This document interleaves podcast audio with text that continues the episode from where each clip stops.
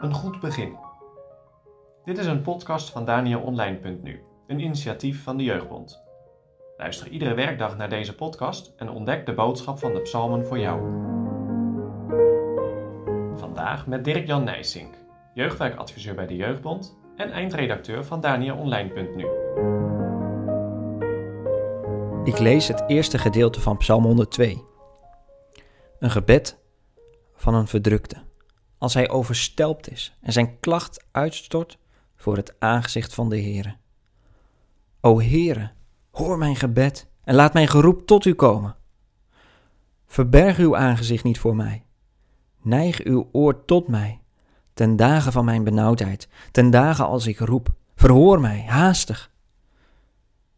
Want mijn dagen zijn vergaan als rook, en mijn gebeenten zijn uitgebrand als een haard. Mijn hart is geslagen en verdord als gras, zodat ik vergeten heb mijn brood te eten. Mijn gebeente kleeft aan mijn vlees, vanwege de stem van mijn zuchten. Ik ben een roerdomp in de woestijn gelijk geworden. Ik ben geworden als een steenuil in de wildernis. Ik waak en ben geworden als een eenzame mus op het dak. Mijn vijanden smaden mij al de dag. Die tegen mij razen, zweren bij mij. Want ik eet as als brood en vermeng mijn drank met tranen. Vanwege uw verstoordheid en uw grote toorn. Want gij hebt mij verheven en mij weer neergeworpen. Mijn dagen zijn als een afgaande schaduw en ik verdor als gras. Maar gij, Heere, blijft in eeuwigheid en uw gedachtenis van geslacht tot geslacht.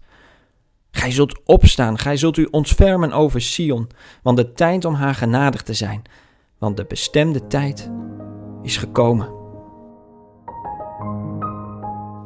Er staan zeven boetpsalmen in het psalmenboek en deze psalm is de vijfde. Zijn boetpsalmen eigenlijk mooi? Jaren geleden sloeg ik ze liever over. Neem Psalm 51 bijvoorbeeld. Ik vond het meestal niet fijn om deze psalm in de kerk te zingen. Maar meer en meer ontdek ik de diepe schoonheid daarvan. Juist in de rauwheid die eruit spreekt. Boetpsalmen vertolken iets dat je moeilijk kunt omschrijven. De realiteit van de zonde komt erin naar boven op zo'n manier dat het woorden geeft aan diepe ervaringen die Gods geest werkt in je hart als hij je overtuigt van zonde. Dat is niet mooi, maar je weet het. De droefheid naar God werkt een onberouwelijke bekering tot zaligheid, zoals Paulus zegt. Overtuiging van zonde en verlangen om voor de Heer te leven gaan in het hart van een ontwaakte zondaar samen op. Nee, de woorden en de beelden in Psalm 102 zijn niet aantrekkelijk, maar ze spreken een diepe waarheid uit. De zonde maakt van ons wrakken, afzichtelijke wezens, schimmen van dat wat God in zijn plan met ons voor ogen had. En het is echt de liefde van God die je daarvan de verschrikking laat zien. Genade doet je dieper buigen dan de eis van de wet. En in die rauwe tonen van deze psalm klinkt steeds iets door van die genade. Maar u, heren. Ik wil zeker niet alle hedendaagse christelijke muziek bekritiseren. Er is veel mooie, moderne christelijke muziek, maar vorig jaar uit de zanger Keith Getty, bekend van In Christ Alone, kritiek op de huidige worshipbeweging. Maar heel weinig hedendaagse christelijke muziek, zo stelde hij, is echt gebaseerd op bijbelse waarheden. Vind je in de psalmen, in muziek van Bach en zijn tijdgenoten diepe klanken over de ellende in de ellende van onze zonde? Dit bijbels thema lijkt plaats te hebben gemaakt voor fijne religieuze emoties. Getty noemt dat gevaarlijk. Natuurlijk hoeft niet elk liedje de complete dogmatiek te behandelen. Dat doen de psalmen ook niet. Maar wat doet het met jou als je alleen maar christelijke muziek hoort die jou een fijn gevoel geeft en je nooit confronteert?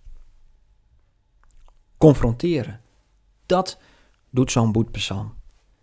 Maar dit lied heeft ook diepe troost.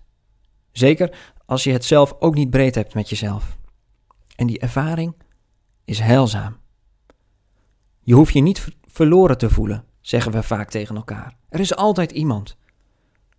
Maar misschien is het voor jou en mij wel heel erg nodig om je juist wel verloren te voelen.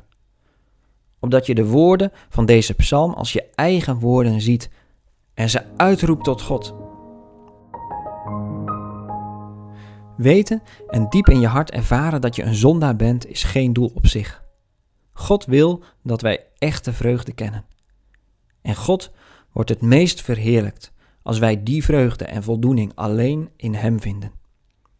Toch is het weten dat je zondaar bent heilzaam. Want het maakt de tegenstelling tussen ons en God helder. Wat maakt dat dit vruchtbare grond is voor Gods genade?